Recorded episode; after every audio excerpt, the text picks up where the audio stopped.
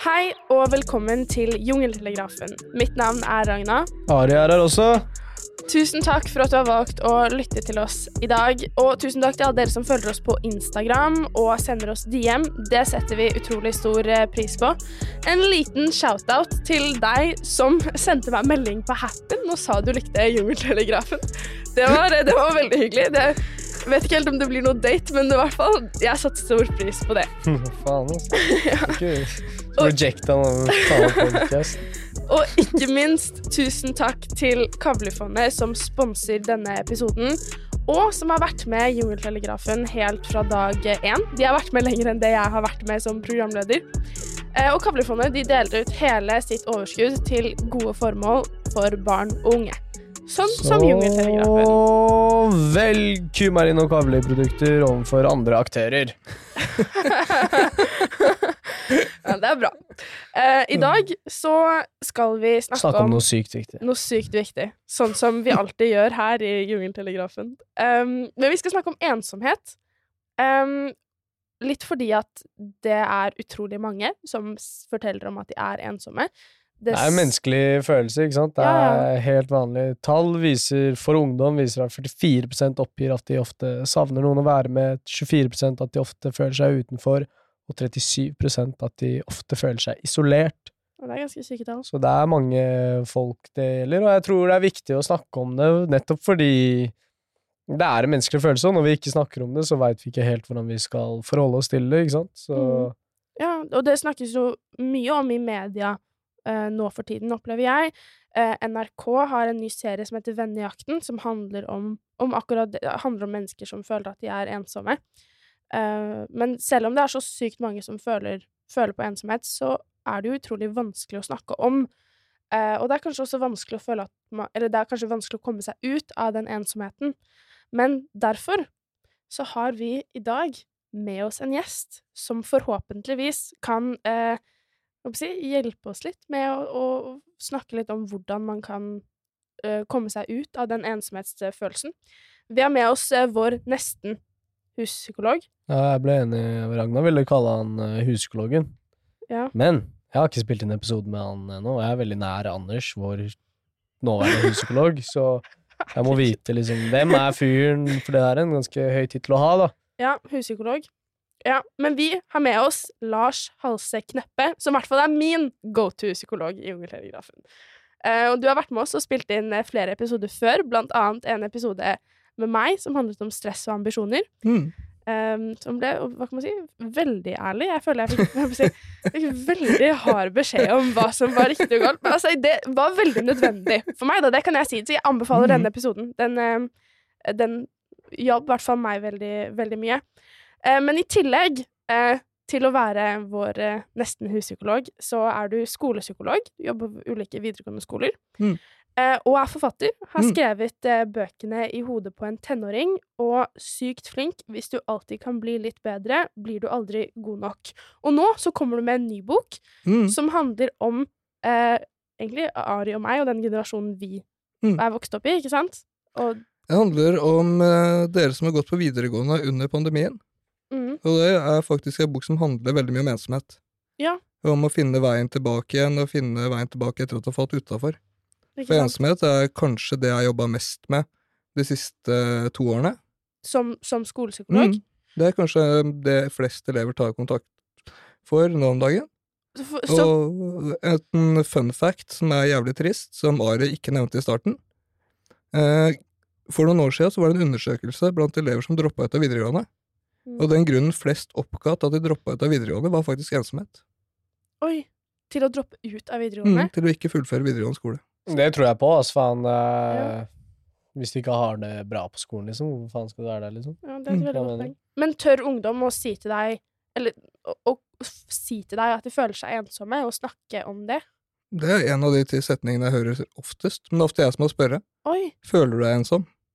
Og det svarer de fleste jeg snakker med ja til. Og det gjelder elever som reelt sett er ensomme fordi de ikke har noen å være med, men det gjelder også elever som føler seg ensomme blant vennene sine.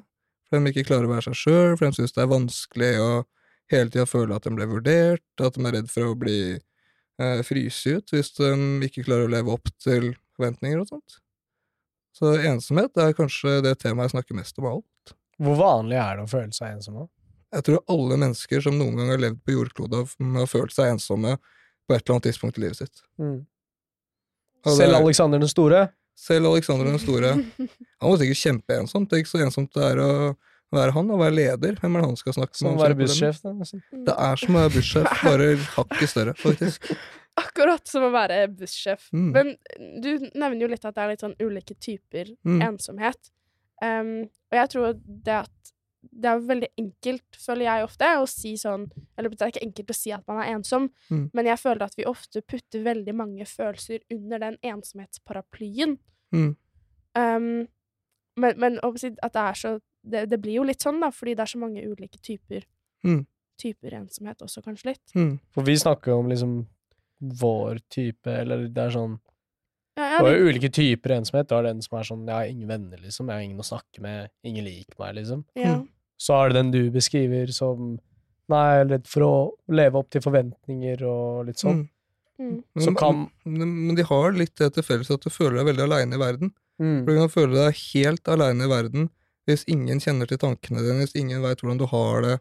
Selv hvis du, noen av de som snakker mest om ensomhet, er den som føler seg ensom blant mange. Det kan være en ekstremt ensom følelse. Du sitter blant din- det som skal være dine ti nærmeste venner, og ingen veit hvordan du har det.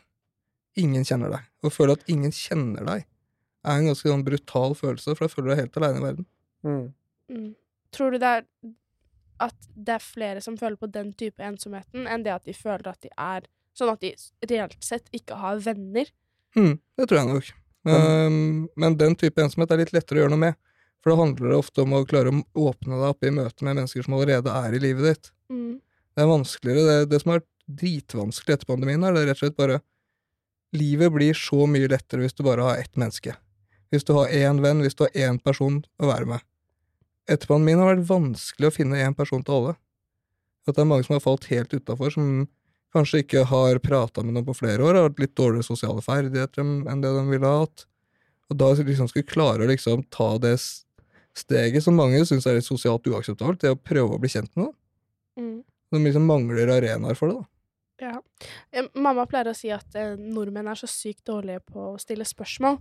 Mm. Og det kan jo hende at det henger litt sammen med det, at vi syns det er skummelt å, å stille spørsmål. Men hvis man ikke stiller noen spørsmål, så blir man jo ikke kjent. Vi nordmenn er jo dritdårlige til å ta kontakt, generelt sett. Det er jo Vi er jo som folkeslag ganske introverte, da. Når jeg var i USA i sommer, liksom, så havna jeg plutselig i en heis med en fremmed, liksom, og så vedkommende spurte meg 'how are you', og så var jeg bare sånn Ble nesten litt sjokkert, liksom, fordi du er ikke vant til liksom å være Spørre noen 'åssen går det' gi en heis, liksom. 'Åssen har du det i dag?' Mm. Fuck, I'm doing good. Ja, ja, ja. What about you? Kanskje du skal prøve? veldig- Kanskje neste gang du befinner deg i en heis, Ja. se hva som skjer. Kommer sikkert til å skremme livskiten ut av personen, men det, det hvis, går det, bra. hvis det er noen som kunne gjort noe sånt, så er du Ari. ja, jeg er ganske sosialt, kan jeg til å påstå. Men eh, jeg lurer på hva er den sterkeste, liksom Eller den roten da til mye ensomhet? Roten til ensomhet handler nesten alltid om følelsen av å være aleine i verden. Mm. Den, er sånn her, den kan være ganske eksistensiell. Men for noen så er den litt sånn, han kommer litt lettere, du er litt sånn eksistensielt ensom type, fordi du kanskje skiller deg litt ut fra andre, tankeverdenen din er litt annerledes. Men for veldig mange så handler ensomhet om at du rett og slett i utgangspunktet er ganske sjenert. At det er vanskelig for deg å ta kontakt med andre mennesker, og at du kommer i kontakt med færre mennesker, da. Og det er sånn ekstremt sårbart hvis du egentlig ikke møter noen på skolen, ikke finner noen i klassen. Skifte skole er jo liksom den mest sårbare perioden av alt. Det, der. det er derfor det på videregående er så ekstremt mye fokus på oppstartsuker. Ja. For at du skal prøve at alle skal finne noen, for det, det er veldig mange som trenger hjelp til det. Word, ass. Vi dro på sånn uh, halvveis hyttetur. Men det var også under korona. Jeg synes det var helt sånn De De som startet på skolen vår nå, de hadde overnatting og full frøs og flere dager, liksom. Vi hadde en halv Mm. dag, liksom. Ja. Men, det er, men akkurat den overnattingsturen i starten, den kan eh, backfire litt. For det er ofte mange av de som syns det er skumlest å møte, men de tør jo ikke å møte opp. Ja. Så de kommer ikke i det hele tatt. Så de som kanskje trenger, hadde trengt mest Mm. hjelp da, Mm. til å komme i gang på de første, de første ukene på videregående, de, de drar ikke. Men nå lukter jeg noe individuelt her, liksom. Er det en sånn derre Ok, du har ansvar for deg sjæl, liksom, på en måte. Mentalitet blant mennesker. Ja. For de aller fleste så er det jo det, og det blir liksom litt ekstremt da, sånn, når du begynner på videregående, for du er jo jævlig opptatt av at du skal finne noe sjøl. Mm. Du er jo opptatt av at du skal klare er opptatt av at du skal finne din gjeng, at du skal finne din plass. Det er, så det er ikke så alle som har like mye plass til liksom, å ta det sosiale ansvaret for andre. da. Ja. Pluss at det er en sånn derre Som jeg skriver litt om i en av bøkene mine. Så vi oppfører oss rundt ensomhet som at det er smittsomt. Mm. På hvilken måte da? At hvis vi er redd for å ta kontakt med ensomme mennesker fordi vi er redd for at det, deres ensomhet skal smitte over på oss. Å ta kontakt med en som er aleine, så er du redd for å bli fryst ut sjøl. Du er redd for å bli aleine sjøl. Du er redd for å miste din sosiale plass. Ja, det handler litt om sånn status og sånt, tror jeg. Mm. føler jeg. Mm. I hvert fall med ungdommen. Man, sånn, jeg merker sånn mange folk er redd for å være med Det er ikke så, det er ikke, det er ikke så annerledes i voksenlivet heller. Ja, ikke det? Nei. Man er redd for det. Jeg så den der ene gradi hvor det var som bli venn med en raring. Det likte jeg veldig godt. Jeg er venn med mye rare folk. Jeg er bare Og- venn med rare folk. Du er det? Jeg er glad Kanskje vi skal bli venner? Kanskje vi skal bli venner. Det må, jeg må jo først overbevise deg om at jeg er like kapabel som Anders Gravir Imenes. Ja, han er rar, da. Han er rar som Det er han. Han er min gamle seminarleder, og han er rar. Det skal han ha. Pluss for det. Ok, ja, Veldig bra. Ja, men da har vi i hvert fall um, det mest konkrete tipset nummer én Mm. uh, som har kommet ut av denne episoden, er at du skal bli venn med en raring. Uh, Mm. Men en ting jeg lurer litt på, er uh, Jeg føler at det er veldig mye snakk om at du trenger, du trenger Hvis du har én god venn, så er du good. Hvis du har én bestevenn, Mm. da er du good. Og jeg har følt ofte på det at jeg har hatt en litt sånn trang til å føle at jeg har én person som Mm. er min nummer én-person. Hvor jeg De er også min nummer én-person. Og det er jo sånn du gjerne får av en kjæreste, for eksempel, Mm. eh, eller om det er en bestevenn, eller hvem den personen nå er. Um, men jeg føler at det er et så stort trang til at man må ha den ene personen. Og jeg, de gangene jeg kanskje har vært mest nedfor, det er jo når jeg føler at jeg har mistet den ene personen. Enten er det at Mm. det, det blir slutt med kjæresten, eller du eh, sklir vekk fra den som er din nummer én bestevenn. Mm. Men sånn, hvor viktig er det egentlig? Sånn, er det bare i mitt hode at det er så sykt viktig å ha noen som er nummer én? Eller kommer man like langt hvis du har flere sånn middels gode venner, liksom? Kult spørsmål. En annen måte å stille spørsmålet på, da, er det om det er, om det er viktig at du har en, en nummer én, er om det er viktig for deg at du er nummer én for en person. At du er den nærmeste for en person. For jeg, for, jeg, for jeg tror kanskje det er det det handler om. For det du beskriver Eierskap, liksom. ja, ja, men akkurat den derre Den mest såra av alt, da, er jo den derre Ok, du har en bestevenninne, en bestevenn, og du føler at du konkurrerer med et annet menneske. Ja. At det blir tre stykker, at det blir en slags sånn derre triangel ut av det, der det er en konkurranse med å være nærmest. Men også det derre det bestevenn- eller bestevenninne-fenomenet er litt sårbart for Det er også litt sårbart for at noen får seg kjæreste. At man mister den posisjonen som nærmeste person når den andre får en kjæreste. Mm. Det, det er egentlig veldig sant, fordi ehm, da eh, en av mine aller nærmeste venninner, da hun fikk seg kjæreste, Mm. så var ikke, si, det var ikke noe jeg ville Jeg syntes jo det var litt flaut å Mm. føle på det, Mm. men det var jo likevel litt sånn eh, Å ja, OK, nå er det nå, nå forteller du alt. Mm. Nå forteller du alt til kjæresten din, istedenfor Mm. å fortelle alt kun til meg. Så man, det er jo et litt sånn eierskap-greie det, det er et eierskap, det er et behov for å være den nærmeste personen for noen. Og hvis du skal snakke om noe som er menneskelig i verden, at det er litt dritt at venner og venninner får seg kjæreste. Det er aldri bare hyggelig at en venn eller venninne får seg kjæreste. Det er litt dritt, det. Man får en litt sånn følelse at jeg er i ferd med å miste noen. For den Mm. forsvinner litt fra deg og din verden, og forsvinner inn i en annen verden. da. Ja, I hvert fall hvis man ikke har kjæreste selv. ja. Da må man bare få seg kjæreste selv. Det handler om litt prioriteringer òg, da, så jeg mener. OK. Sånn hvis du har en, eh, en bror, da. En, Mm. god kamerat, liksom, og så får du deg dame, og så plutselig bare glemmer du vedkommende, liksom. Mm.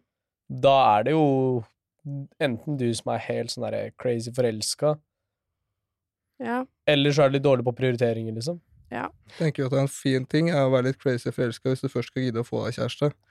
Det er et veldig godt ja, poeng. Men, så men, Ja. ja, det, det er veldig Jeg tenker at det er litt trist. Jeg tenker at det andre er litt trist, jeg. Men det jeg mente med crazy forelska, er at en ting er sånn Jeg tror ikke det er bra å være med, med en kjæreste altfor mye sånn hele tiden. Nei, Ja. men jeg tror, jeg tror sånne ting du er, som du er inne på der, da. Jeg tror faktisk de greiene her er litt ulikt for gutter og jenter. Ja. Det verste kjærlighetssorgen jeg opplever, da, er tap av venninner. Det er kjærlighetssorg. Det er verre. Mange jenter jeg møter, har mye sånne større kjærlighetssorgreaksjon på, å ha mista bestevenninna si, enn når det blir slutt med kjæresten. For det forholdet har kanskje vært det nærmeste. Sånn Ja. Men jeg tror at Venninner jeg føler, jeg føler jenter blir venn med nye venner, får nye bestevenner hele tida. ja, Syns du men. Jo, men det er jo litt for, Jeg føler jo, ja, ja, men, Bro, søstera mi dro Hallo, til Milano kan- her om dagen. Vent, da. Ja. Søstera mi dro til Milano her om dagen. Jeg bare, Hvem dro du med? bare. Nei, jeg dro til eh, jeg, jeg dro med en venninne, så var jeg sånn Hvem er den venninna? Nei, bare en, en jente jeg kjenner litt, liksom. Jeg bare, og dere dro til Milano sammen, liksom? Hun bare Ja, hva er greia, liksom? Ja, men jeg tror at jeg tror, Men jeg tror at det er jo Jeg føler også kanskje det at jenter um, bonder kanskje veldig lett. Spesielt på fylla. Det er jo en helt sånn, det er et stort Mm. fenomen at jenter blir bestevenninner og er sånn 'Å, jeg elsker deg' når du står på doen på fylla, liksom. Jeg har også digge man- damer i fylla, ass. Det skal sies. Jeg Er hater dudes i fylla. Men, men, men, kruttsterkt. Er kruttsterkt, altså. men, det, men det er jo ikke det samme som å ha en person som du kan fortelle alt til. Sånn, ja, sånn jeg, kan, jeg kan godt stå på fylla og være sånn 'Å, herregud, hvilken lipgloss bruker du?' Og så er vi venninner fordi vi Jeg får låne litt Mm. lipgloss av en, av en jente, liksom, på fest. Men, men det betyr jo ikke at det er en person som jeg hadde gått til og uh, snakket med hvis jeg har det skikkelig kjipt, eller som du kan dele alt med.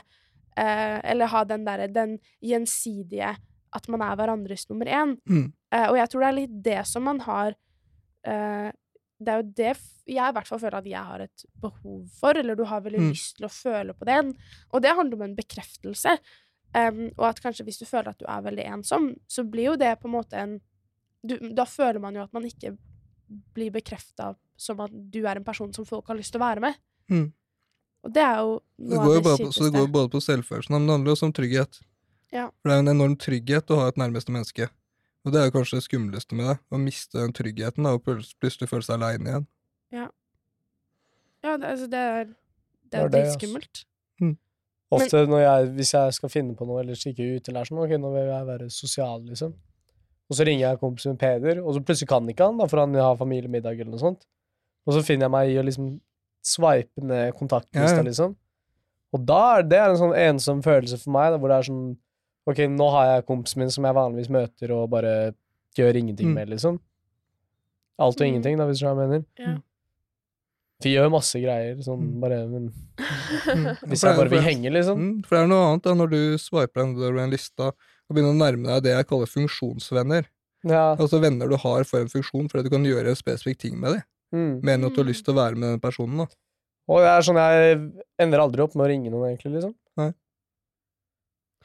Hvis du hva jeg mener? Ja, Mm. men det er, for det er litt det jeg føler også er litt skummelt med det å skulle ha en person som er din nummer én, Mm. er at det er jo dritskummelt å gjøre seg så sårbar og være så avhengig av en nummer én-person. Fordi da, hvis den personen plutselig altså sånn, Det kan ikke være det at den, altså sånn, det er ikke nødvendigvis det at den personen svikter, men plutselig, hvis den personen da ikke kan, Mm. så sitter man jo der da og føler seg utrolig ensom. Mm. Fordi du føler at du ikke har flere mennesker å spille på. Mm. Så det er jo sunt å ha flere mennesker i livet sitt. Men akkurat den samme frykten ville du også kanskje opplevd med, i møte med en kjæreste. da. For en kjæreste er et menneske du blir avhengig av, et menneske du trenger.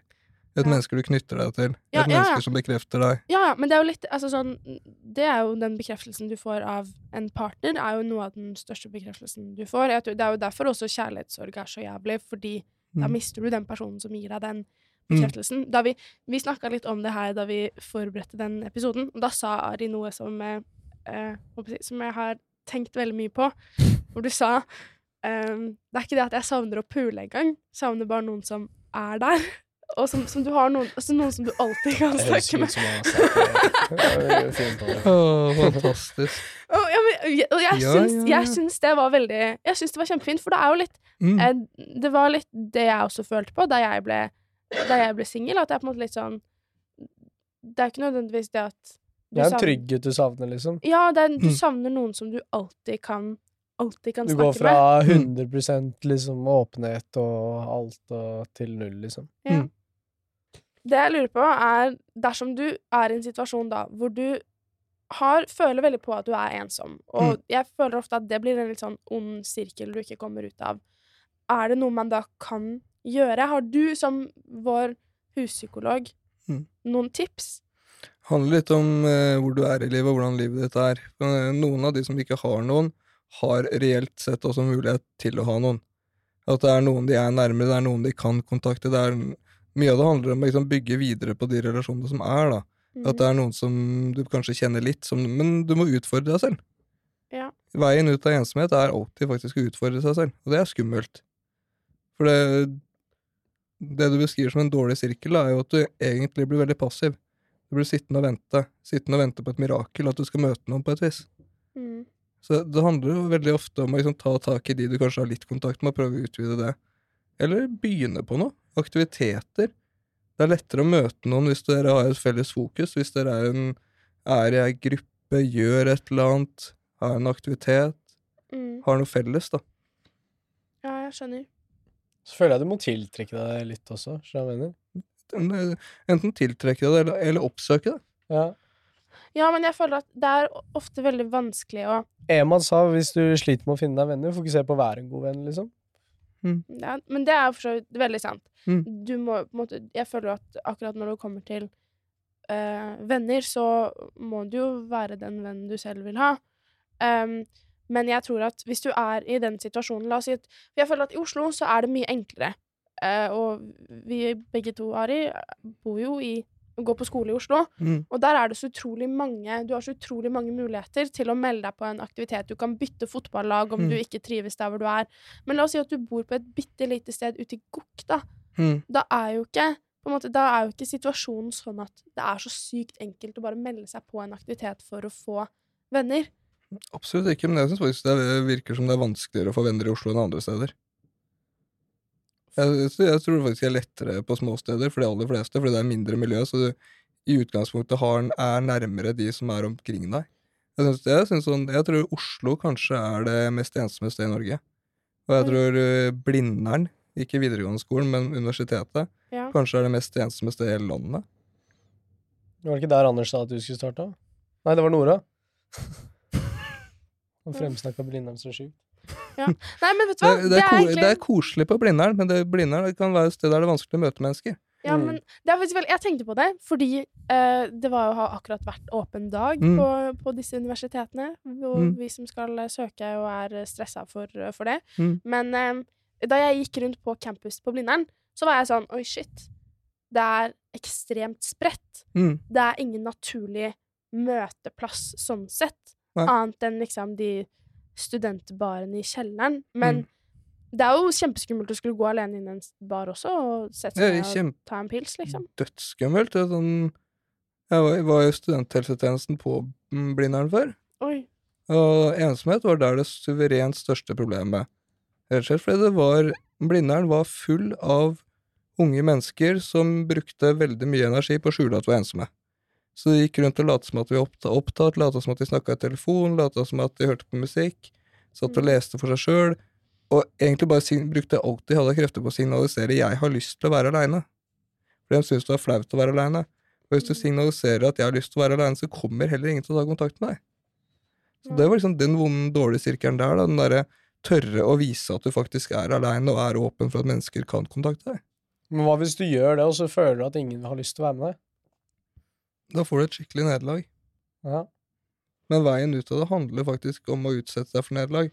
Men Mm. det nederlaget der, det er ikke noe verre enn det du sier til deg sjøl hele tiden når du later som at du er aleine. Du veit det da òg. Du klarer ikke å beskytte deg for den nederlagsfølelsen. Uansett. Mm. Så egentlig, det du sier da, er at veien ut av ensomhet er rett og slett det at du må være litt forberedt på at det kommer til å være noe nederlag, det kommer til å være ting som Mm. er kjipt, Mm. og du må tørre å gjøre deg selv sårbar, da, ved at du skal vise folk at du er åpen, eller at du faktisk er Du, alene. du, du må tørre å gjøre deg selv synlig. Og du må, kommer til å måtte utfordre deg selv. Og du kommer til å måtte gå ut av komfortsonen din. Og du kommer til å få noen nederlag, men de nederlagene er som regel mindre enn det nederlaget det er å ikke prøve. For det nederlaget du opplever av å ikke prøve når du kommer hjem, 'jeg gjorde det ikke i dag', eller 'jeg turte ikke i dag', eller det ble akkurat det samme, den er, den er nesten verre. Den er, da får du Hvis du prøver og driter deg ut, så får du, har du i hvert fall en følelse av at 'ok, nå har jeg prøvd'. Nå har jeg gjort noe. Det er mer Du føler deg ikke like hjelpeløs lenger. Få et skikkelig nei, er det ikke det andre sier man skal? Få et skikkelig nei. Det var i form av damer, da. Ja, ja. Det kan jeg tenke meg at Anders sa, at det er viktig å få et skikkelig nei. Nei, men da har du prøvd i hvert fall, Ja, ja. liksom. At du, Ja. Hvis du sånn halvveis har prøvd, og ikke har prøvd ordentlig, liksom, så det er Mm. bedre å få et skikkelig nei enn å gå Ja, rundt og så handler det også Eller kanskje om bare vente til du får et skikkelig ja. Ja, ja, men så veien til å få et skikkelig ja, er faktisk ofte også at du tåler å få noe nei. Ja, det er du, for livet består av ganske mye avvisning. Hvis uh, dere er romantiske av dere, så finnes det én person som er den rette for dere der ute. Og for å finne den, så må dere bli avvist sjukt mange ganger. Word. Dette ble megatrist, ass. Ja, livet er litt trist av og til, men sånn er det. Snart helg uansett. I morgen er det fredag! Det er oppløftende, ass. Det er bra. Nei, Nå er vi det- der. Ja, det er fint. Mm. Um, men tror du, er det noen Er det liksom mulig å bare skjerpe seg for å føle at du har det bedre? Kanskje spesielt da hvis du er i den situasjonen som Det er nok mulig, men hvor vanskelig er det? Ja, ja, Jeg, tenker, jeg tenker mer hvor bærekraftig er det? Hvor lett er det å skjerpe, skjerpe seg og liksom akseptere Nei, jeg er alene, jeg er ensom, og det er greit. Jeg, jeg, for helt ærlig, vi mennesker er flokkdyr. Jeg tror ikke det er sunt. Jeg tror ikke det er sunt å bli for komfortabel med å være helt alene. Si Det gir mening, men jeg tenkte mer på Det er jo ikke sunt, men i en selv, sånn destruktiv mentalitet og I en, livs- i, I en periode så kan det fungere kjempegodt.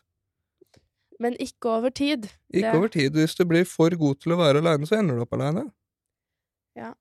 Men det jeg tenkte mer på, er sånn For eksempel den ensomheten jeg kanskje tidvis føler på, da. Mm. Det er det at jeg har et jag om at alle skal se at jeg ikke er ensom. Det er jo litt sånn et Mm. jag til å poste ting på, på sosiale medier og vise at nå er, jeg, nå er jeg ute med venner, nå har Mm. jeg det dritfett. Fordi jeg er så redd for at folk skal tro at jeg ikke er Mm. ikke er kul nok, da, eller at jeg Mm. ikke har masse venner og ikke lever et eh, bra Mm. liv. Uh, men man føler seg jo litt ensom i, i det jaget også, da, fordi det blir så utrolig viktig.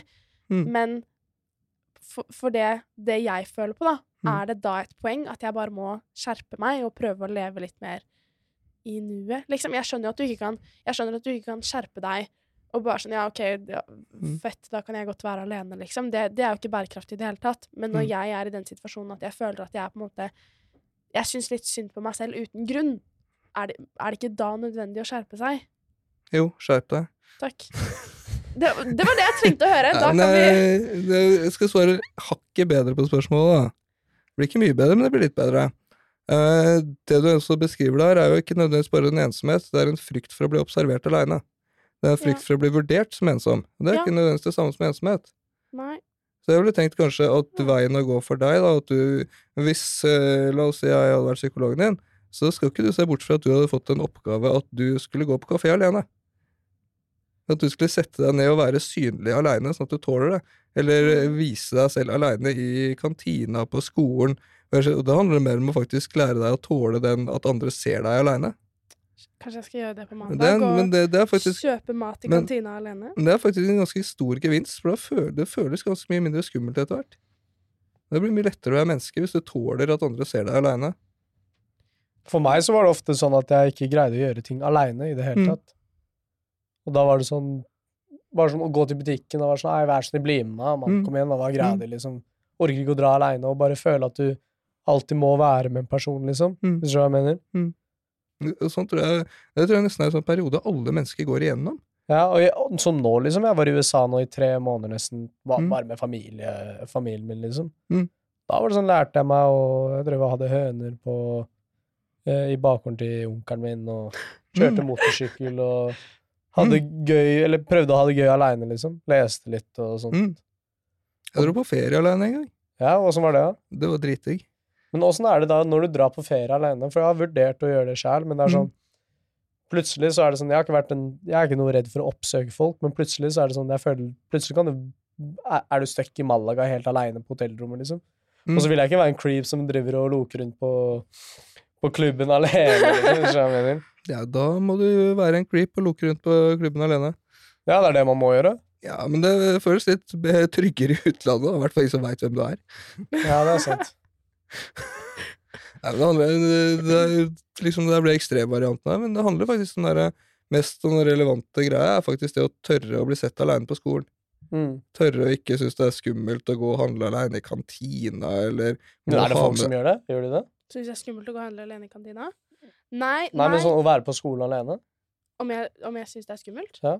Nei, ikke nødvendigvis at jeg syns det er skummelt, men det handler jo kanskje litt om at det føles jo mye mer trygt å skulle være med vennene sine. Kanskje spesielt på videregående skole, hvor jeg føler at hele poenget er jo at du skal være kul og ha masse venner og leve livet og ha det fett. Og Mm. når du da er den ene som sitter eh, i kantina alene, mens alle andre sitter på fullstappa bord med masse venner, så er det jo klart at det er ubehagelig.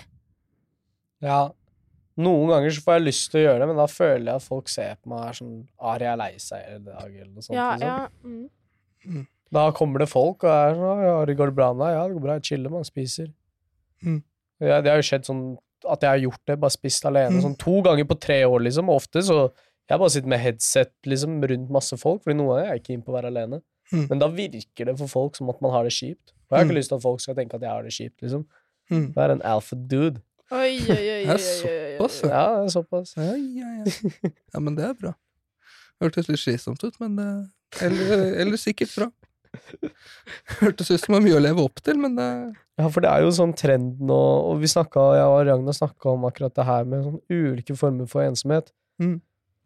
For du snakka om det i starten, at det er sånn eh, Du har liksom den ensomheten hvor du er nesten redd for å si Eller ikke føle at, føle at du har mange folk rundt deg, da, men at Mm. ingen kjenner deg, og ingen vet hvem du er, på en måte. Mm. Og i hvert fall med sånn den der alfa-sigma-trenden nå, liksom. Mm. At man kanskje er litt redd for selv hvordan de nærmeste skal At man nesten er litt redd for å bli dømt feil eller misforstått på Mm. et eller annet vis. mm. For, for det du beskriver der, er jo egentlig roller. Ja, roller, At man, inn, at, at man inntar roller. Og roller har rolleforventninger som man blir redd for å bryte med. Men det er jo en forbannelse hvis du har lyst til at noen skal bli kjent med deg. Ja, absolutt. Jeg merka at jeg har blitt mye bedre venn med jenter i det siste. Mm. Fordi jeg fikk en sånn der, jeg fikk en helt sånn åpenbaring. Jeg bare Fordi nå, ofte når jeg snakka til jenter, så er det sånn eh, Nå kanskje vi to kunne blitt en greie, liksom, eller noe sånt. Mm. Så nå driver jeg halvveis og prøver meg på det mens jeg snakker helt vanlig, liksom. Mm. Ærlig sak. Mm. Det er en god strategi. Ja, men Og så går det liksom tre måneder, og så er det bare en venninne, liksom. Men samtidig så har du liksom lagd et Du har lagd en karakter, da, Mm. som du på en måte føler du må Du må fullføre, da. Mm. Og i det siste jeg tenkte sånn, vet du hva, hvorfor skal jeg være med noen folk som ikke kjenner meg, mann? Så jeg har blitt mye mer sånn Eller ikke kjenner meg, men er med meg fordi jeg har prøvd å få dem til å like meg. Mm. Og det har jeg gjort ubevisst, liksom. Og når jeg da har prøvd og bare tenkt liksom, ok, greit Disse folkene jeg skal ha rundt meg, da, de skal være med meg fordi jeg er jeg, ikke sant? Ikke fordi Mm. jeg prøver å få dem til å like meg, eller noe sånt, liksom. Mm. Så har jeg blitt mye mer Ikke Ja, ærligere. Jeg har alltid vært ærlig, liksom, men uh, mye mer åpen, da, på enkelt vis. Mm. Og da mer, merka jeg i det siste, jeg har fått mye bedre venner, og mange av dem jentevenner også. Du Mm. greier å ha ordentlig liksom, samtaler og Hvis du lever, lever livet ditt i en karakter, det er den beste oppskrifta du kan få på å rasere selvfølelsen din. Ja. For det er hele tida du får masse positive bekreftelser på en versjon av deg sjøl som du egentlig ikke er. Kanskje det er derfor jeg er så selvsikker i det siste. Altså, jeg har alltid vært det, helt siden jeg vokste opp, liksom. Men sånn, den derre selvfølelsen, har sånn god selvfølelse og går rundt og føler meg king, liksom. Mm. Gjør du det? Om jeg føler meg Føler konge? king? Jeg har øh, Jeg er ganske selvtilfreds, for å si det Jeg er ganske glad i meg selv. Eh, men mer glad i meg selv som voksen enn jeg var gammel som deg. Mm. Uh, Tenk deg meg, da, når jeg er på din alder. Ja, det kan gå alle veier. Nei, men jeg syns det Jeg syns det var lettere å bli glad i meg selv når jeg ble tryggere i meg selv, og trygg nok til å ikke leve livet mitt ut i en rolle. Når var du på ditt svakeste? Svakeste Ja. Jeg vet uh, gammel er du? Jeg blir 19 om uh, La meg kikke i kalenderen. Syv måneder. Fra, måneder, måneder. fra 19 til 21, vil jeg tippe. Fra 19 til 21. Ja. Hva skjedde i livet ditt da? Hva skjedde i livet ditt da? Da var jeg ferdig på videregående og gikk på et studie jeg ikke hadde lyst til å gå på. Blant annet. Da flytta til Oslo. Og hadde måttet slutte å spille fotball siden jeg ble skada. Mm. Og ødela ryggen, så jeg var sengeliggende seks måneder i strekk. Å, fy faen. Det gjør noe med deg, det, ass. Det gjør noe med- ikke kunne bevege deg. Og... Jeg gikk ned 20 kilo, blant annet. Veide 52 20? Jeg veide 52 kilo. Gikk ned fra 72, da. Mm. Så det var dårlig tid. Mm. Tenk om jeg går ned 20 kilo. Jeg veier 40 da. Ikke gjør det. Tren rygg. Skal jeg sørge for å få gjort Tren rygg, ikke bare bryst. Visdom for livet. Mm. Jeg tror at eh, det å eh, Det å gå rundt og føle at, at eh, livssituasjonen din endrer seg, sånn som den nå gjør for oss som blir ferdig på videregående. Vi skal eh, kanskje begynne å studere. Veldig mange skal flytte til et helt annet sted. Da er du i en livssituasjon som er veldig ustabil. Mm. Og når livssituasjonen din er ustabil, så er det jo så vanskeligere å føle at du er trygg. Mm. Mm, I, i, jeg trygg i trygg omgivelsene dine, men også kanskje trygg på deg selv. Og det er Mm. fort da, tror jeg, at disse ensomhetsfølelsene kan, kan ikke- begynne å komme, komme, -hmm. komme litt da, Det er kanskje derfor studenter er så sykt ensomme, nettopp fordi Mm. veldig mange av de har ikke sant, akkurat flytta hjemmefra. Mm. Eh, jeg skjønner godt at det er vanskelig lett, eller jeg skjønner godt at det er lett å føle seg litt ensom hvis du bor i en litt sliten Mm. studenthybel et eller annet sted. Mm. Men uh, tida etter videregående, uh, begynne på studier, er kjempesårbart. Mm. Det er den største overgangen i livet, omtrent. For det å gå fra ungdomsskole til videregående, det er basically ganske likt. Mm. Videregående til studier, kjempeulikt. Du blir tatt fra familien din plutselig. Du drar et nytt sted. eh, du må forholde deg til en helt annen verden uten de rammene som har vært livet ditt. Så det er en kjempestor overgang. Eh, så det er en, av de mest sårbare overgangene. Og utrygt føles det. Mm. Så må du liksom lage, deg et nytt liv. Men fram til liksom å lagd deg et nytt liv med nye rammer, så er det skummelt. Og det er jo det er, altså sånn, det er jo ikke rart at man føler seg ensom hvis du flytter til en helt ny Mm. by. For da, da står du jo faktisk i den situasjonen at du ikke har mennesker du er trygg på rundt deg. Mm. Um, og, og det er jo sånn studiet, starten av studietiden blir for Mm. veldig mange. Mm. Så kan tenker jeg hvordan det har vært for de som er et par år eldre enn dere. Som begynte studier i korona. Du, sitter, du er jo stuck inn på den stygge hybelen din. For meg. Og all undervisning er på nett. Du møter ingen. Det er det eneste, eneste livet ditt er inne på den lille hybelen. Mm. Det var dritt. Det må være kjipt, altså. Mm. Men Er det er jo ting folk har følt på i, Det er derfor det er viktig å snakke om, liksom. Jeg leste et dikt i dag av han Sigbjørn Obstfelder eller noe, Byen, hvor det er en fyr som flytter ned til eh, byen, liksom, og bare blir møtt med sånn skikkelig angst, da, og ser liksom at det er helt Folk bare går forbi hverandre, Mm. og det er veldig menneskelig, da, den følelsen av ensomhet, hvor du bare blir møtt med sånn angst når du prøver å oppsøke noe, liksom. Mm. Og i hvert fall under korona. Jeg hadde en kompis eh, her om dagen, læreren vår drev og klagde på at vi var, vi var så seine. Så at dette må vi gjøre noe med, og sånt, liksom. Og så rekker han ene kompisen min opp og sier Du, lærer, eh, det har seg faktisk sånn at vi tilhører kategorien koronaungdommen, og statistikk viser at vi har det litt vanskeligere å komme tidlig og stå opp og motivasjon i skolegangen og sånt, så du kan ikke bare skylde på oss, altså. Og du skriver jo litt om det her med eller, den nye boka di, da. Nye boka mi, ja. En Ja, hva det- det den het? En ungdomstid på ja. ja. Da skriver jeg om det. Om hvor dårlig dere er til å komme tidsnok. Og... Nei, men det var kjempeproblem, faktisk. Sånn derre hvor eh, vanskelig det var når liksom, skolene skulle åpne igjen. Hvor, den derre hvor dårlig elever funka i elevrollen. Det var Vanskeligere å komme tidsnok, vanskeligere ikke utsette ting. Eh, vanskeligere ikke gå på do, vanskeligere konsentrere seg. Alt som var vanlig skolesituasjon, var vanskeligere, da. Mm. Ja, jeg hadde ikke skole altså, når det var korona. Jeg chilla som faen, altså. Mm. Og det er jo Jeg satt og sov i timene, liksom. Mm. Mm. Jeg tror det var veldig mange som gjorde det. Ja, ikke sant? Så det var sånn I løpet av to år, da, tre år nesten, så hadde vi ikke ordentlig skole, liksom. Mm. Og nå Ja. skal vi plutselig ha eksamen. Ja, og det går det fint. kommer til å gå så bra. Eksamen er bare en heldagsvurdering. Ja. Den er helt lik. Jeg kommer til å bli sjokkert har, ikke du over hatt, hvor har ikke du hatt tentamen i dag? Jo, jeg hadde Ja, Sigbjørn Osfelder, it's just the same. Da er, du- er du godt forberedt hvis du har hatt en tentamen. Ja, kommer til å gå så fint. Men det uh, jeg tenker det viktigste uh, som vi har snakket om i dag, eh, har kanskje vært litt hvor normalt det er å føle seg ensom. Mm. Fordi da normaliserer man det jo også litt. Mm. Ikke at det er positivt å, å normalisere ting som er fælt, men du normaliserer å, å snakke om det, Mm. og, og være ærlig på det. Eh, og så syns jeg at vi har fått, eller i hvert fall jeg, har fått ganske mange gode Mm. tips til um, hva man bør gjøre da, hvis du føler at du er litt ensom. Jeg skal, Mm. bli, jeg skal bli venn med den neste raringen jeg ser. Altså, Ari, sitter skal, en skal, vi, skal vi bli venner, Ari? Kanskje Um, dere offisielt blir venner? Det har vært kjempehyggelig. Vi ble venner på Facebook i går. jo. ja, vi ble venner på Facebook i går. Det var et stort steg. Ja, var det? Ja.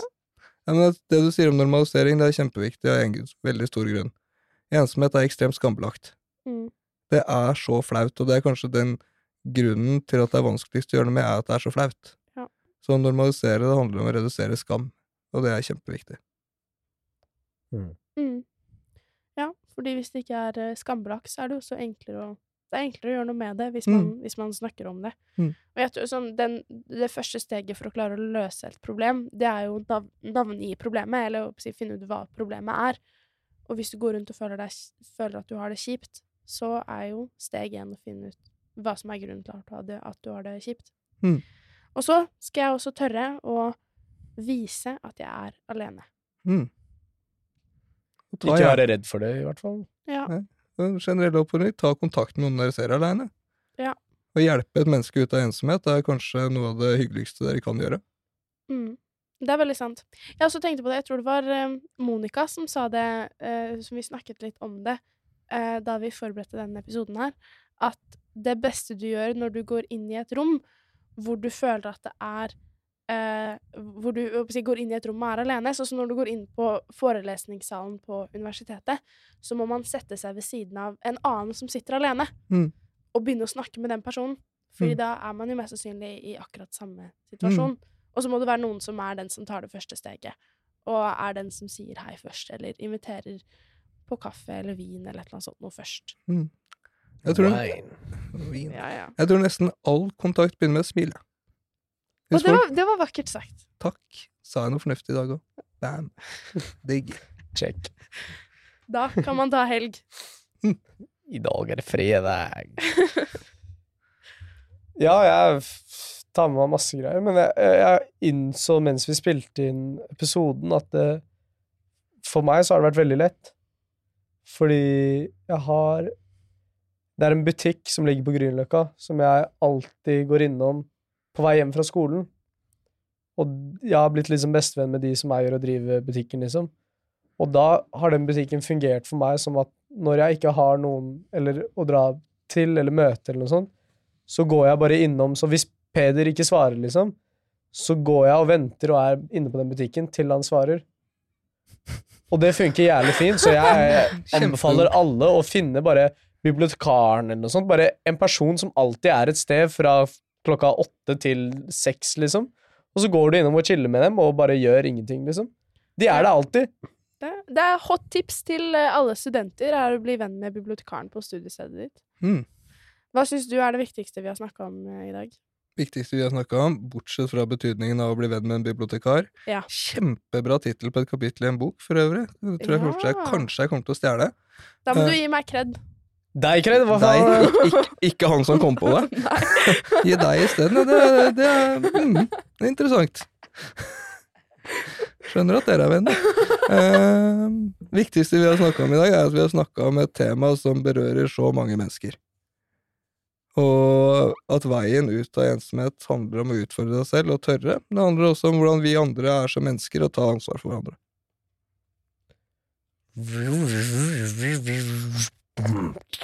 Der, ja. Du hopper inn i en tidsmaskin. Mm. Og du reiser tilbake til eh, deg i ungdomstida. Mm. 16-17-18 år. Mm. Du vet alt det du vet nå. Mm. Hva ville du sagt til 16-17 år gamle? 18 år gamle deg? Spørsmålet er svart på så mange ganger. Ja, du får det en gang. Jeg får det en gang til. Det er enda en ting jeg må si til 16-17 år gamle Lars. Uh, Leicester blir vinner Premier League. De gjorde, gjorde de det? Ja, de gjorde det med 200 i odds. Leicester vinner Premier League 2014. Hva het han eh, 2014. spissen, da? Eh, Jamie Vardy. Jamie Wardy. Mm. Han, han hadde bra Fifa-kort det året der, altså. Skal jeg sagt én ting, så er det at Hellas blir europamester i fotball. Blir de det? Det ble det. De ble det? 2004. Sjukt, altså. Sjukt. Det var også 200 odds.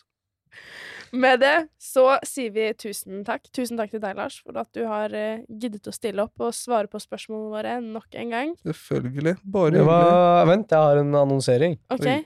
Han har nye eh, Et tillegg til eh, Anders, en av våre nye I hus... tillegg til Anders, ja. Jeg kan ikke bare ditche Anders. Nei, nei, nei. Nei. Det hadde ikke Anders likt. Men nå har du i hvert fall offisielt, og med godkjennelse fra Ari, Fra The Albanian Reggae Ambassador. Mm. Velkommen. fått status som huspsykolog. Det er, eh, det er fint, for da kan du, du fortsette å være, være vår alles go to psykolog. Eh, så tusen takk til deg. Eh, Så må dere sjekke ut eh, boka til eh, vår kjære Lars, vår huspsykolog. En ungdomstid på vent. Og så sjekk den andre boka hans. Sykt flink. Hvis du alltid kan bli bedre, blir du aldri god nok. Den er ikke sikkert dere får tak i, for den er jævlig høy etterspørsel. Mhm. Og så må dere sjekke ut de andre episodene vi har med Lars. Pussedag på søndag. Slapp selvdisiplin. Og stress og ambisjoner. Takk til Kavlefondet. Takk til Lars. Takk til alle brothers som hører på. Bra jobba, Ragna. I like måte. Tusen takk. Peace out.